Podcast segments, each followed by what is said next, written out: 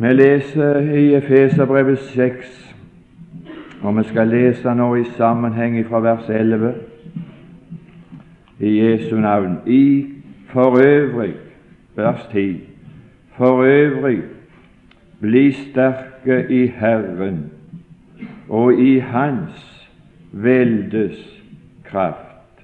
Ikle eder Guds fulle rustning, så dere kan stå, så dere kan stå eder mot mot djevelens listige angrep. For vi har ikke kamp mot blod og kjøtt, ikke mot mennesker, ikke kamp mot mennesker, mot blod og kjøtt, men vi har kamp mot makter, mot myndigheter, mot verdens herrer i dette mørket, mot ondskapens ånde her i himmelrommet.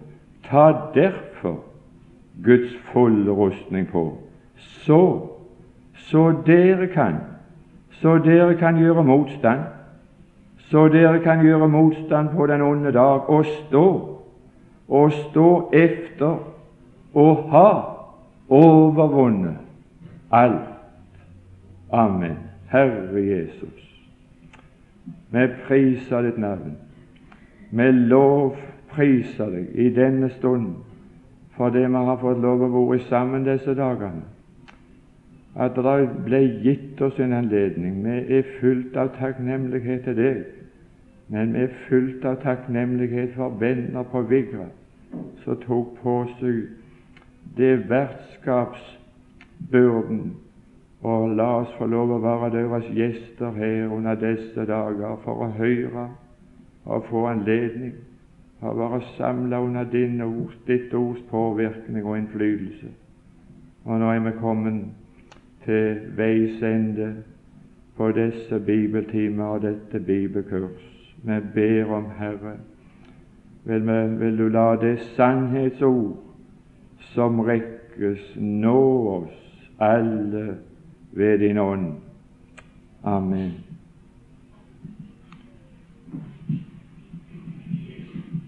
Det vi til nå tidligere har fått vært opptatt med i denne kampen som det er behov for oss å ha Guds fulle rustning på hvis vi skal kunne gjøre motstand.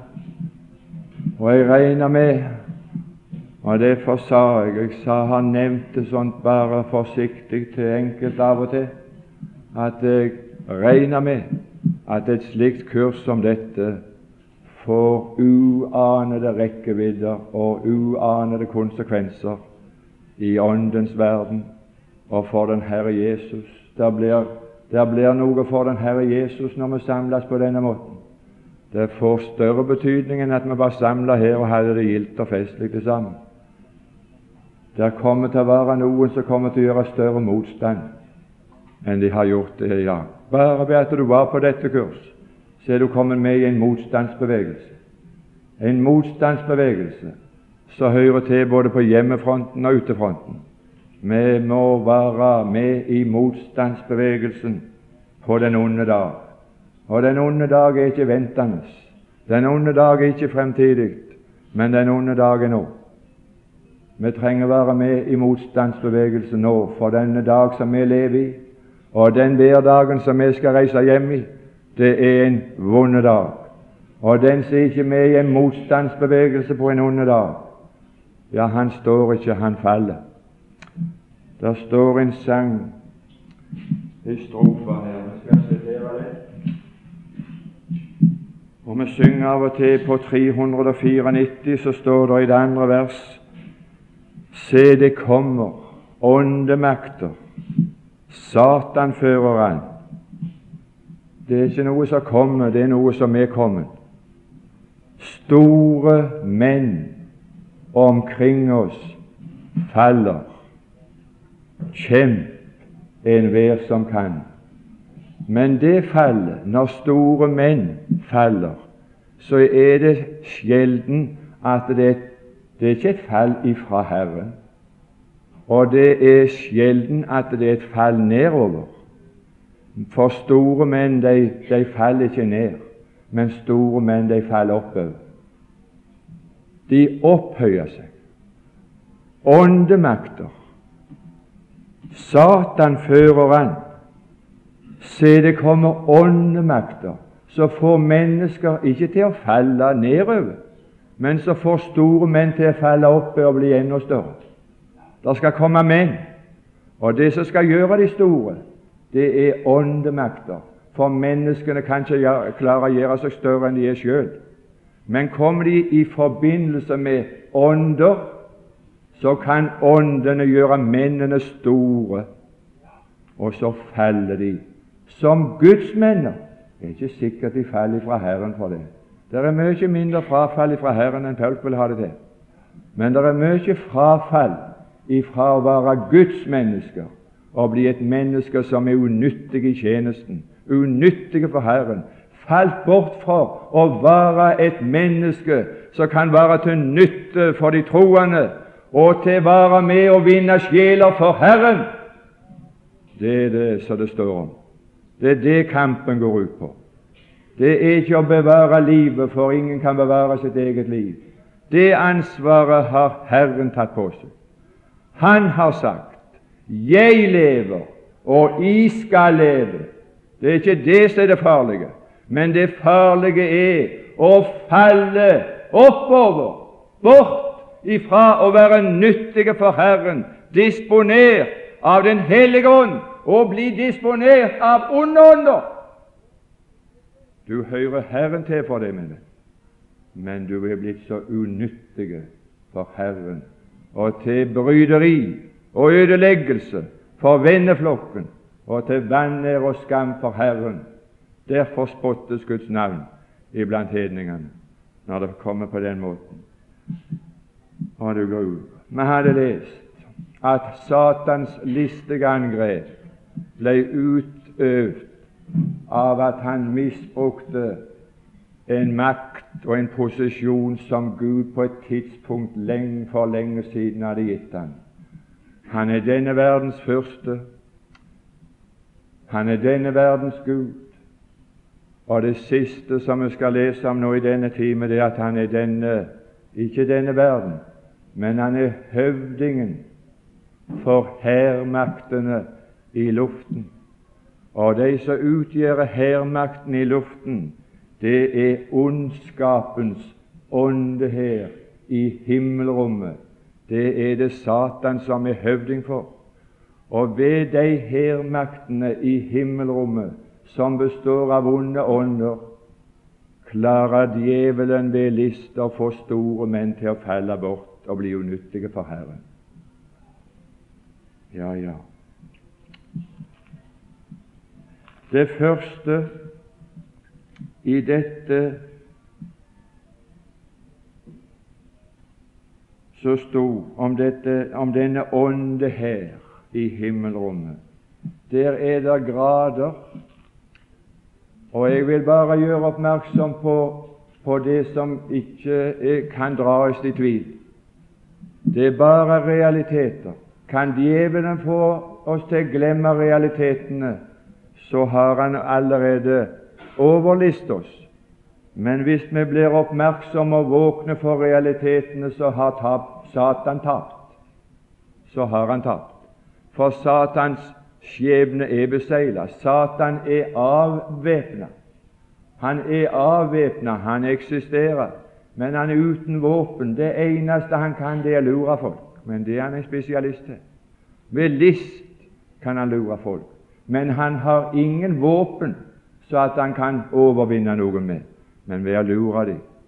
Og det er ingen av disse embeter som han har, som han så effektivt klarer å lure de beste troende, de gildeste troende, og lure verden og alle, som når han er høvdingen for ondskapens ånde her i himmelrommet. Det er det vi har kamp imot. Er du i stand til å stå deg imot den ånd og mot den åndsinnflytelse. Efeserbrevets andre kapittel var det at det står i det andre vers. Når vi fordum, når vi skulle komme i hukost, det var når vi var ufrelst, fordum, så vandret vi efter denne verdens løp. Og når verden løper slik som de løper, så er det efter de aldri foran. Mennesker er aldri pionerer. Mennesker er aldri forløpere, men mennesker er alltid etterløpere. Og Når menneskene vandrer slik som de nå vandrer, så er de etterløpere. De vandrer efter høvdingen over luftens makter, og de makter består av en ånd. Den ånd som nå er virksom i vantroens barn. Og min frelse består i at det kom en dag at det hører fortiden til i mitt liv. Men jeg fikk en dag i mitt liv troen på den Herre Jesus ved å få høre evangeliet. Og ved, ved å høre og ved å tro så har jeg fått Den hellige ånd. Og nå når jeg vandrer som jeg vandrer, så er jeg ikke en enevandrer, og jeg er ingen pioner. Jeg driver ikke forsøksvirksomhet. Når jeg reiser ut og holder møter, så driver jeg ikke forsøksvirksomhet. Nei, herlige land. Ikke forsøksundervisning, og langt ifra. Men når jeg underviser slik som jeg underviser, når jeg lærer slik som jeg lærer, når jeg snakker slik som jeg snakker, når jeg forsøker å vandre slik som jeg vandrer, når jeg forsøker å oppføre meg slik som jeg oppfører, så er det efter. Det er alltid efter og det er efter Den hellige ånd. Og bare det. Enten så vandrer vi efter Den hellige ånd, som nå er virksom i alle som hører Herren til. Så mange er Guds barn som drives av Guds ånd. Men det uhyggelige som vi skal få lov å få se på i dette avsnitt av Guds ord, det er at en fremdeles, hvis en ikke er beskytta med Guds fulle rustning, så kan en slippe vonde ånder, og så blir det vonde ånder som forstyrrer det vi har. Har du merka noe av det? Vi skal lese. Det er noen som spotter dette her. Det er noen som ringakter, noen som ikke regner med det. Dette er bare tull. Ja da. Matteus evangeliet skal vi lese bitte lite grann fra det 25. kapittel, først fra det 41. vers. Matteus 25, 41, så skal han si:" Gå bort fra meg, i forbannede, i den evige ild, som er beredt djevelen og hans engler. Det var ikke bare djevelen som falt, men i sammen med djevelen så var det noen av englene som foretrakte å være djevelens engler. Og så blir de kalt hans engler. De var kanskje hans også. Han var kanskje høvding over dem. Og når han falt, så falt de sammen med han. Djevelen og hans engler.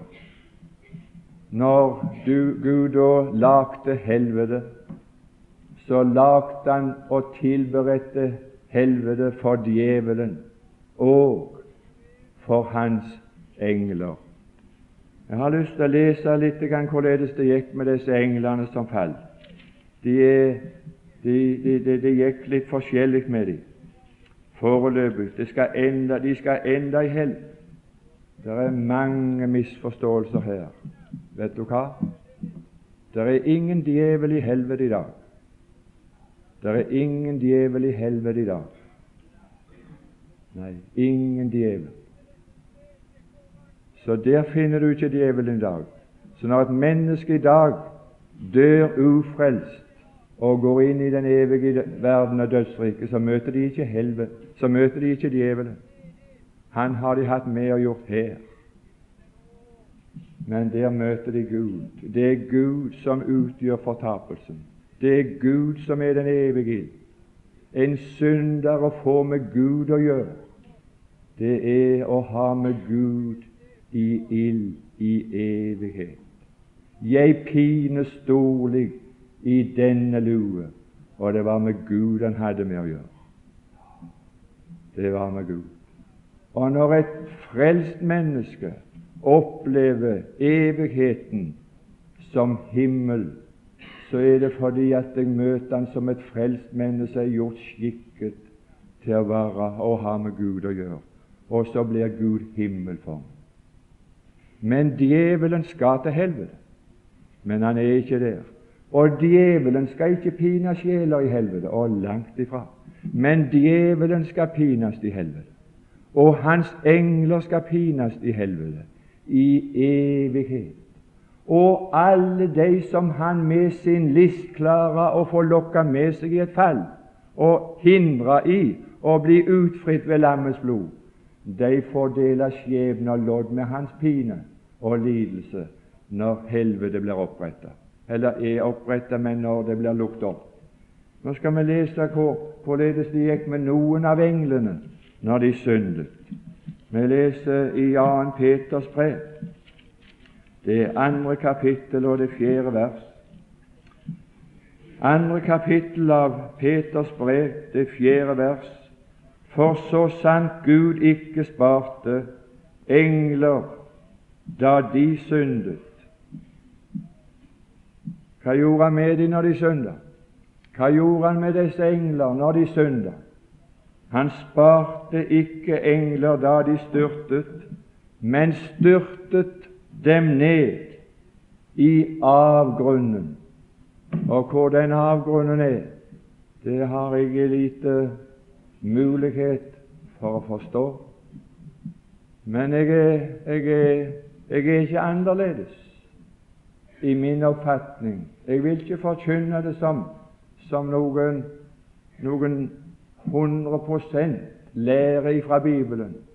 Men når det er sånne utbrudd av ild og svovel gjennom vulkaner ifra jordens indre, og når de kan pumpe varmt vann opp ifra grunnvannet Det er bare til å bore ned et stykke, så får de varmt vann. Og de sier nå at den nye energi som skal bli til erstatning for olje, det er varmt vann som skal komme opp ifra undergrunnen. Hvor tror du den kom ifra? Hva tror du det er som varmer det vannet opp? Hva er det som du tror som holder den ild og svovel i varme, i avgrunnen, i jordens indre? Jeg skal ikke si noe om det, jeg kunne lese mye av det, men det er så svakt. Det er ikke det vi skal være opptatt med.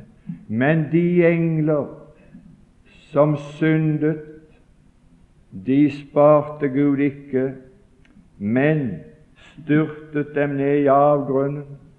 Og Koras barn, de opplevde noe som aldri noen annen har opplevd. De opplevde en dag at hvis dere dør som andre folk dør, så har ikke Gud eksistert, og så har Gud ikke talt gjennom disse. Og så mens de sto der, så hadde Koras barn blitt plassert for seg sjøl, og så sto Israels menighet for seg sjøl. Og plutselig så, så revna jorda. Og så, så for de levende ned i dødsriket, i avgrunnen, Koras barn. Og når de andre hørte skriket de sette i når de for ned i avgrunnen, så, så tok de på flukten. Så tok de sin tilflukt til frelse. Jo, det er noe som heter avgrunn. Men når engler synda, så var det ikke noe sparelse. De ble kasta ned, styrta ned i avgrunnen. Og så står det og Gud overgav dem. Han overgav dem til mørkets huler. Der nede i avgrunnen er det noen huler som kalles for mørkets huler. Og det er en påstand i Bibelen som jeg kunne funnet til deg noe som er umulig, som Bibelen har sagt er umulig, og som fremdeles til i dag har bevart sin styrke og sannhet. Jordens indre er uransakelig. Det har de fer oppe i himmelrommet, der kan de fare av sted og skal finne ut både hvordan det er for månen og Mars. Det ser ut for de kommer skrekkelig langt. Men de kommer ikke så langt ned i jorda at de finner ut hva det er der. Jordens indre er uransakelig. Der er avgrunnen. Og nede i avgrunnen er det noe som heter mørkets huler. Og i disse mørkets huler er det engler som hadde syndet, som holdes i varetekt. Ja, det står der. De holdes i huler, mørkes huler, i varetekt. Og noen som holdes i varetekt, det er menn, personer som venter på sin dom. Og de som sitter der nede i varetekt, de skal være i varetekt til dom. Der kommer en dag når de skal ut av de mørke huler, når de skal ut av varetekt, og så skal de, når Satan skal kastes i ildsjøen, helvete, så skal disse englene som ble arrestert, så skal de sammen med djevelen kastes i helvete, den evige ildsjø, det evige oppholdssted, når det er ingen forandring mer kommer, når det blir slik i evighet. Du gru i denne verden, det er det jeg er frelst ifra. Kan du, kan du, kan du forstå? Kan du da bedre forstå at det er slike mennesker som Herren har satt til å sørge for sangen og sørge for vitnesbyrden i denne verden. Det er mennesker som, som, som, som omkom ikke, men Koras barn omkom ikke. Gud forbarma seg over de uforskyldt. Og så ble de redda fra undergangen. Og så synger de Han frelste meg! Han frelste meg! Han frelste meg ifra undergangen!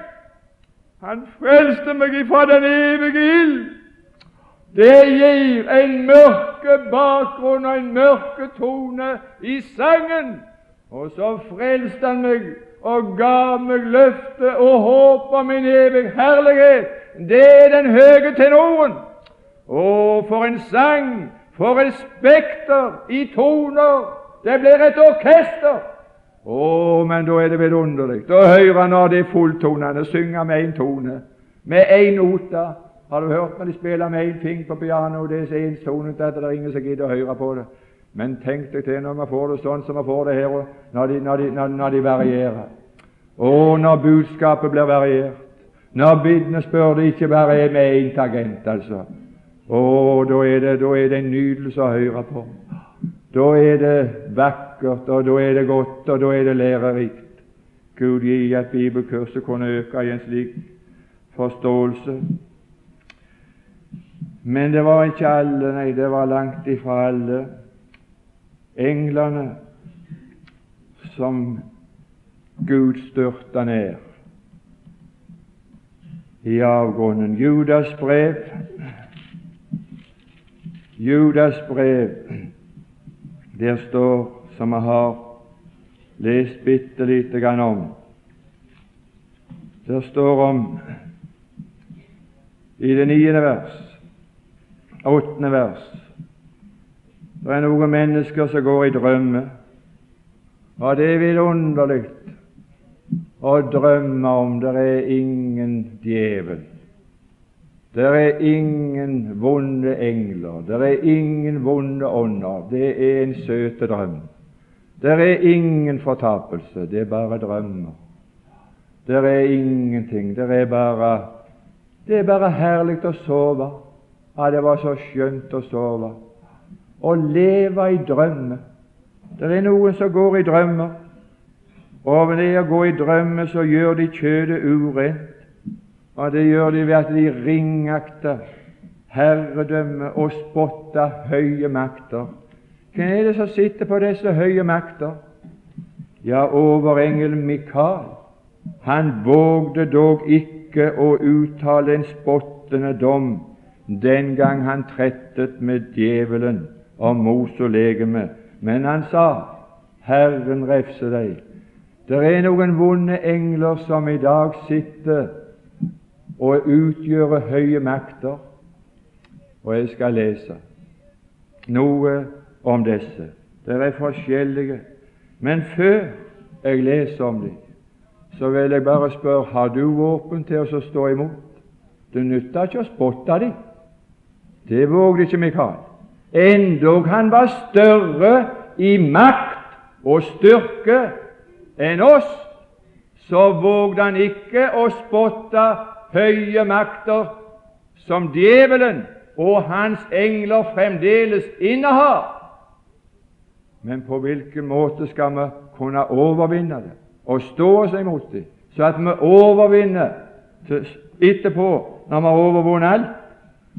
Da vil jeg bare få lov å så ganske enkelt, i så enkle former som jeg kan si, hva det er jeg er bevæpna med. Jeg skal ikke holde noen lang utredning om det. Jeg er bevæpna med en kunnskap, og den er fenomenalt sterk. Den kunnskapen den er meget mer verdt, står det. Og den kunnskapen som jeg er bevæpna med når det gjelder disse makter og disse myndigheter, det er Kolossenserbrevet, det er andre kapittel. Kolossenserbrevets andre kapittel, og jeg slår det ikke opp for at jeg ikke vet hva det står. Og jeg slår det ikke opp en gang for at jeg ikke skal kunne sitere hva det står. For dette er noe av det viktigste som jeg må vite og huske i mitt daglige liv. Men jeg skal være nøye. Her står i Kolossenserbrevet 2,15 Han, Kristus, på Golgata, han avvæpnet maktene og myndighetene og stilte dem åpenlyst til skue.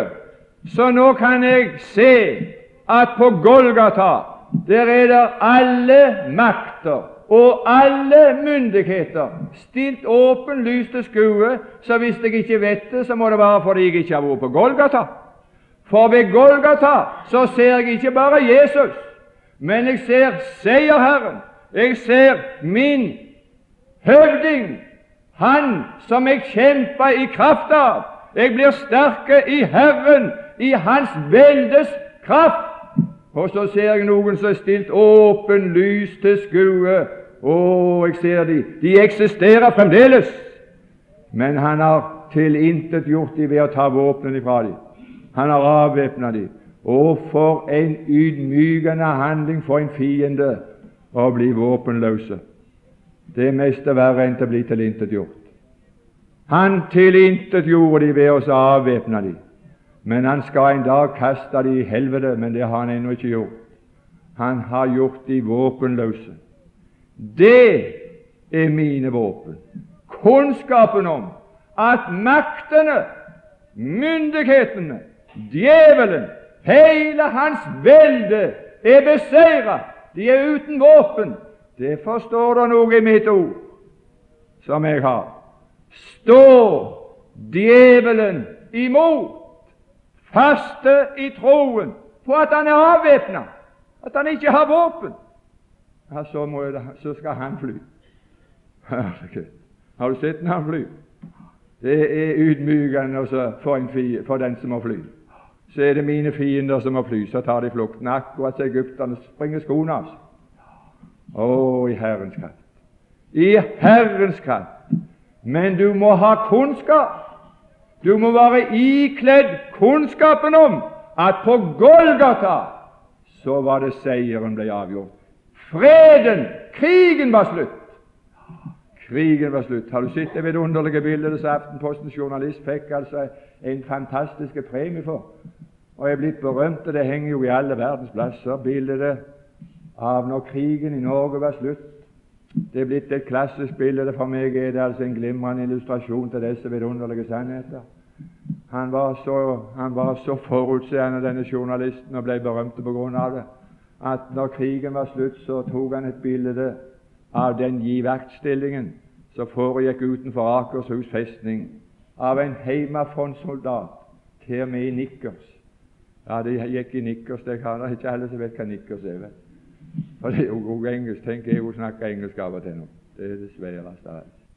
Og så Så sto han i stram givakt, og så hadde han mauseren Han hadde iallfall et gevær på ryggen på aksla. Og så sto kommandanten for hele den tyske hær i den flotte uniformen og med stjerner og snorer. Og du gru i denne verden? Og så var han fremdeles kommandant for ei kampdyktig hær som, som, var det eneste som var igjen av det tyske rikets hær, på 260 000 mann i Norge, fullt kampdyktige. Tidligere, alle dagene før, hadde den hjemmefrontsoldaten ligget i dekning oppe i skauen. Men denne dagen så hadde han frimodighet til å gå fram, og så sto han i giv vakt. Hva var det som gav han kraft? Hva var det som gav han seier over ei hær på 260 000 mann, som han før hadde skjult seg for? Han forkynte han et budskap. Krigen er slutt. Krigen er slutt! Freden er opprettet! Var det kraftig? Det var to muligheter. Ja, det var jo to muligheter. Hvis denne mannen ikke ville kapitulert, så hadde han blitt nedkjempet, han og alle hans menn, for krigen var slutt. Saken var avgjort. Men kommandanten, han kapitulerte.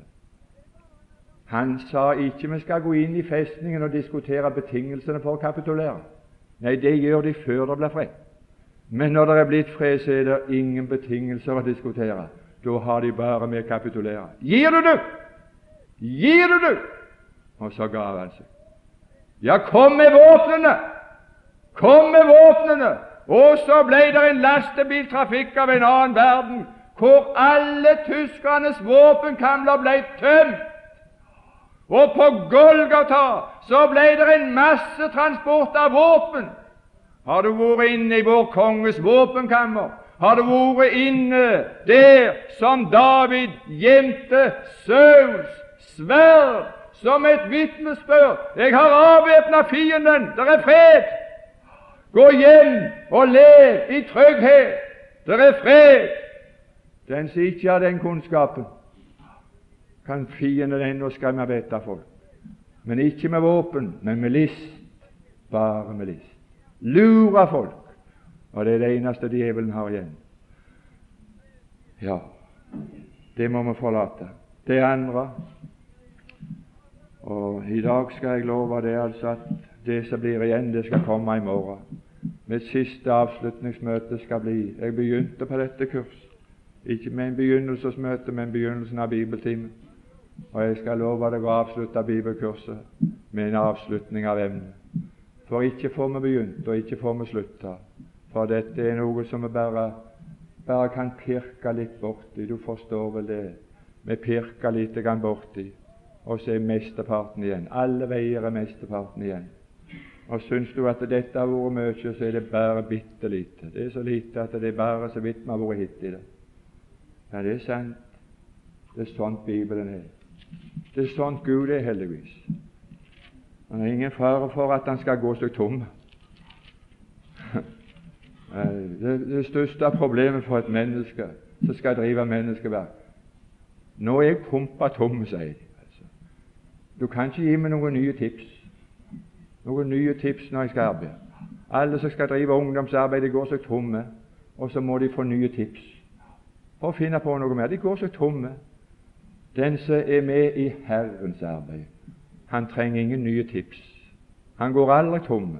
Han går seg aldri trett.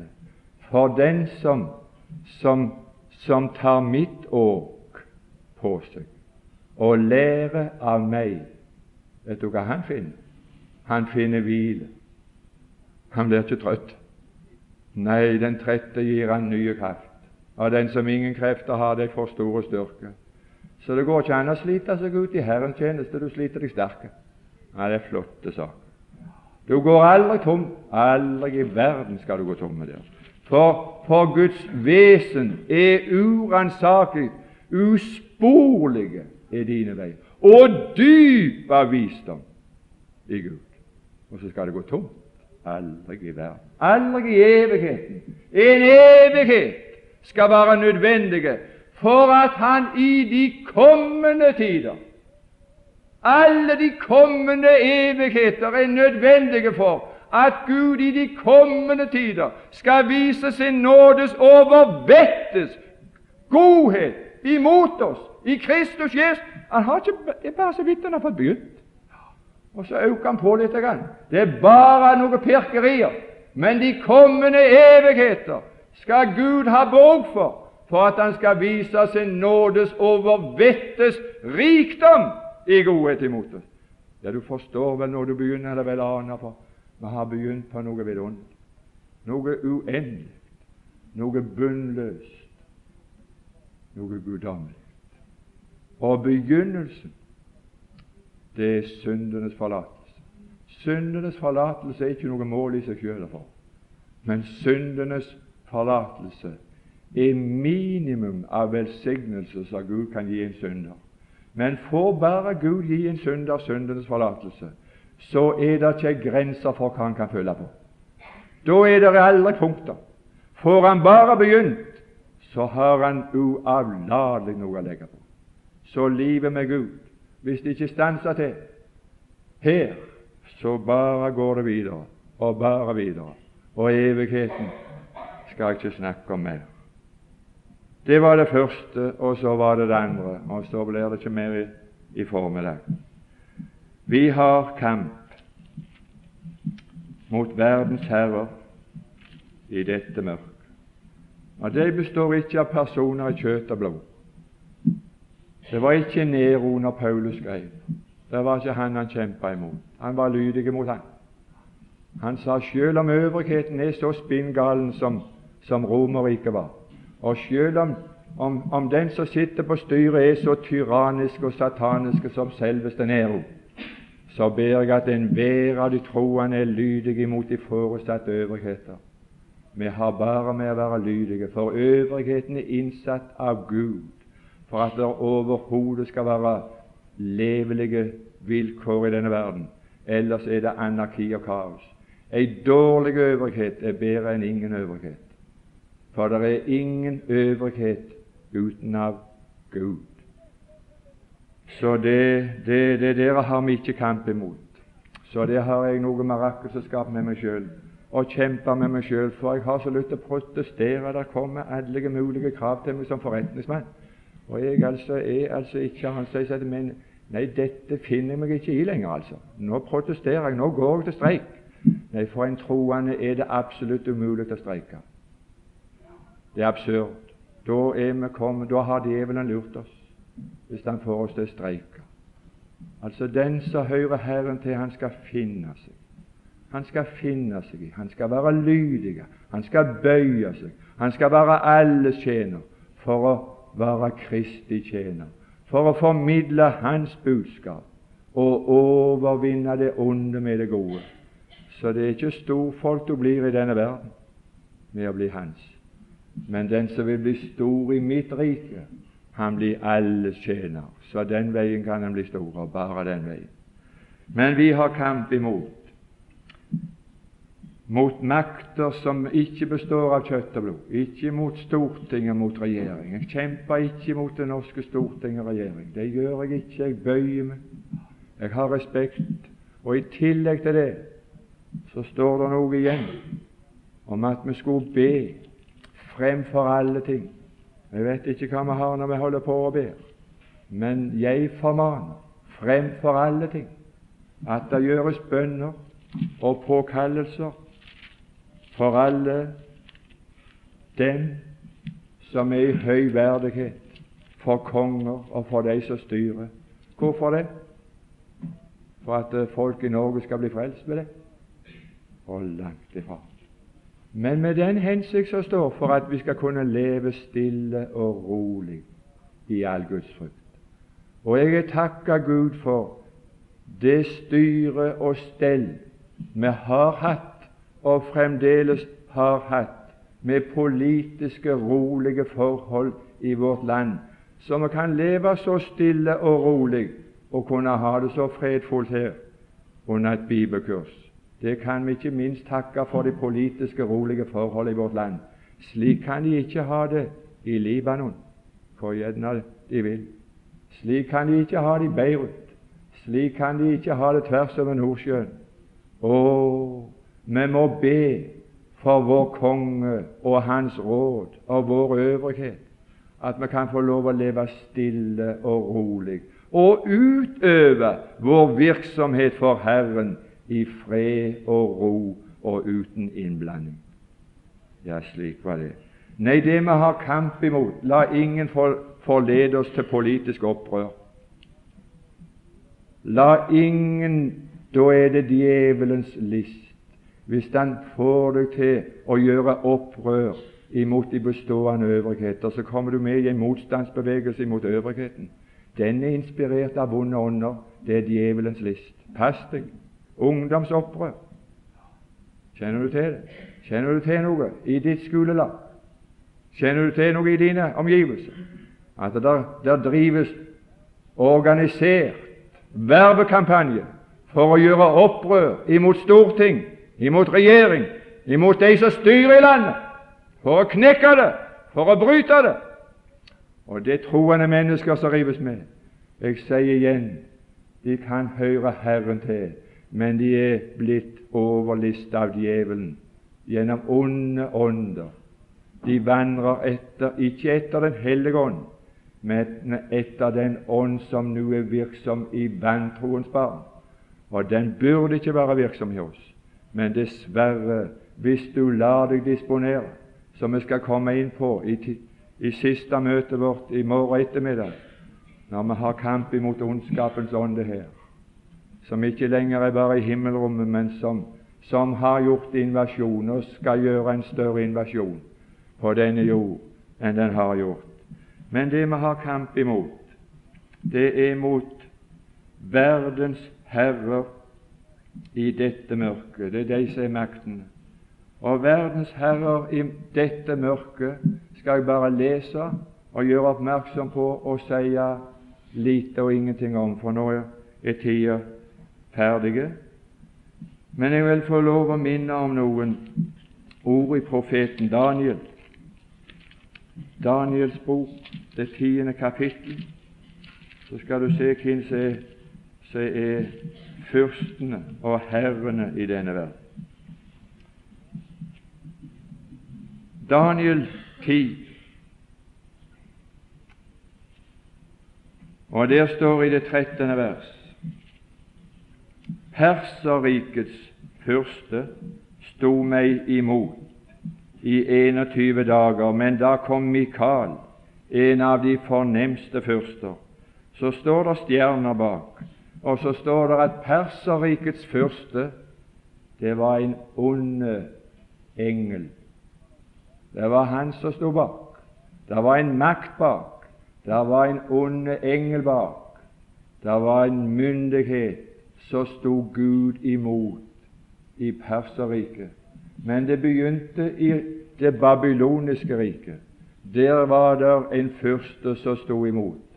Og den måten han sto Gud imot, det er det også en profeti i, og det er også allerede begynt å bli forberedelser til det som skal bli klimaks i den store trengsel. Nebukaneser, Babel, som var en fyrst dreven av en vonde engel. Han ble dreven til å lage et bilde, og så skulle han forlangte han at alle skulle tilbede dyret. Og nå vil jeg bare lese noe om dette forferdelige bildet, om noe som hendte, noe som var list, så tok knekken på all motstand.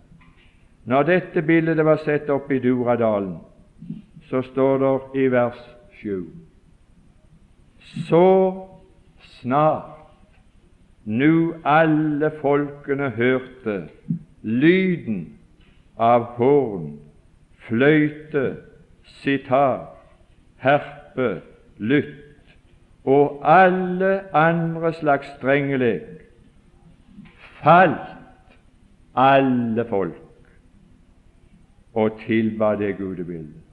Musikken, når den veldige musikken spilte opp, så falt motstand imot å tilbe. Så knektes bevisstheten mot de som ikke hadde tenkt å tilbe. De ble revet ned. Å, den musikken som trenger inn i de kristelige forsamlinger. Det er musikk som er inspirert ikke av Den hellige ånd, men av en vonde engel. Og den musikken har bare én hensikt å knekke vår tilbedelse til den sanne Gud og få oss til å falle pladask uten motstand. Vi blir gjort motstandsløse med musikk. Det bedøver sansene våre, det bedøver tenkeevnen våre. Jeg har vært på sånne møter. Jeg, jeg var imot, men jeg ble revet med. Jeg kjente en tilbedelse i min sjel, i mitt ånd. Dette var flott! Det var nydelig. Jeg ble revet med.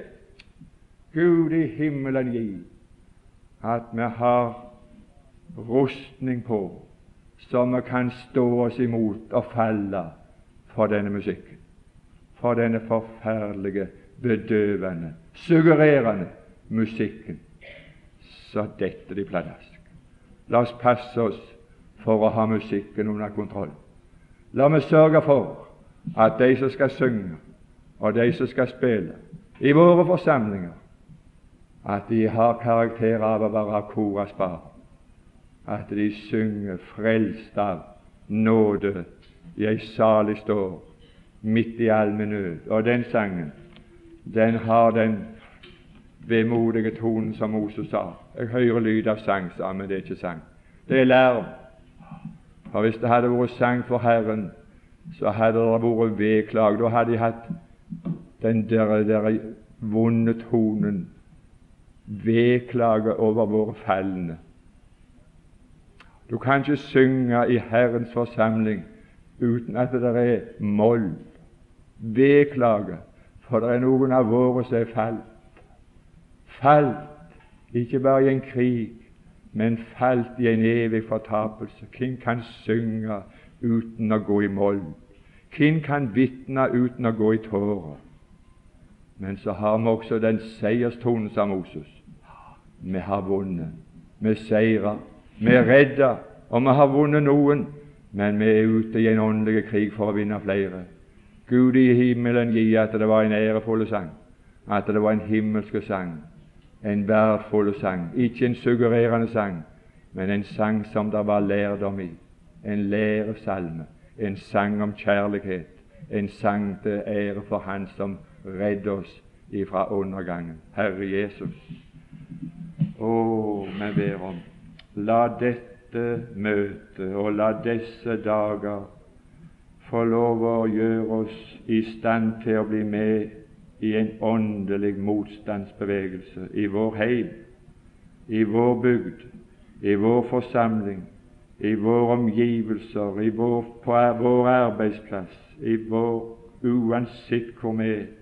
La det være en motstandsbevegelse imot alle onde ånder La oss få lov å være tydelig og klart merka.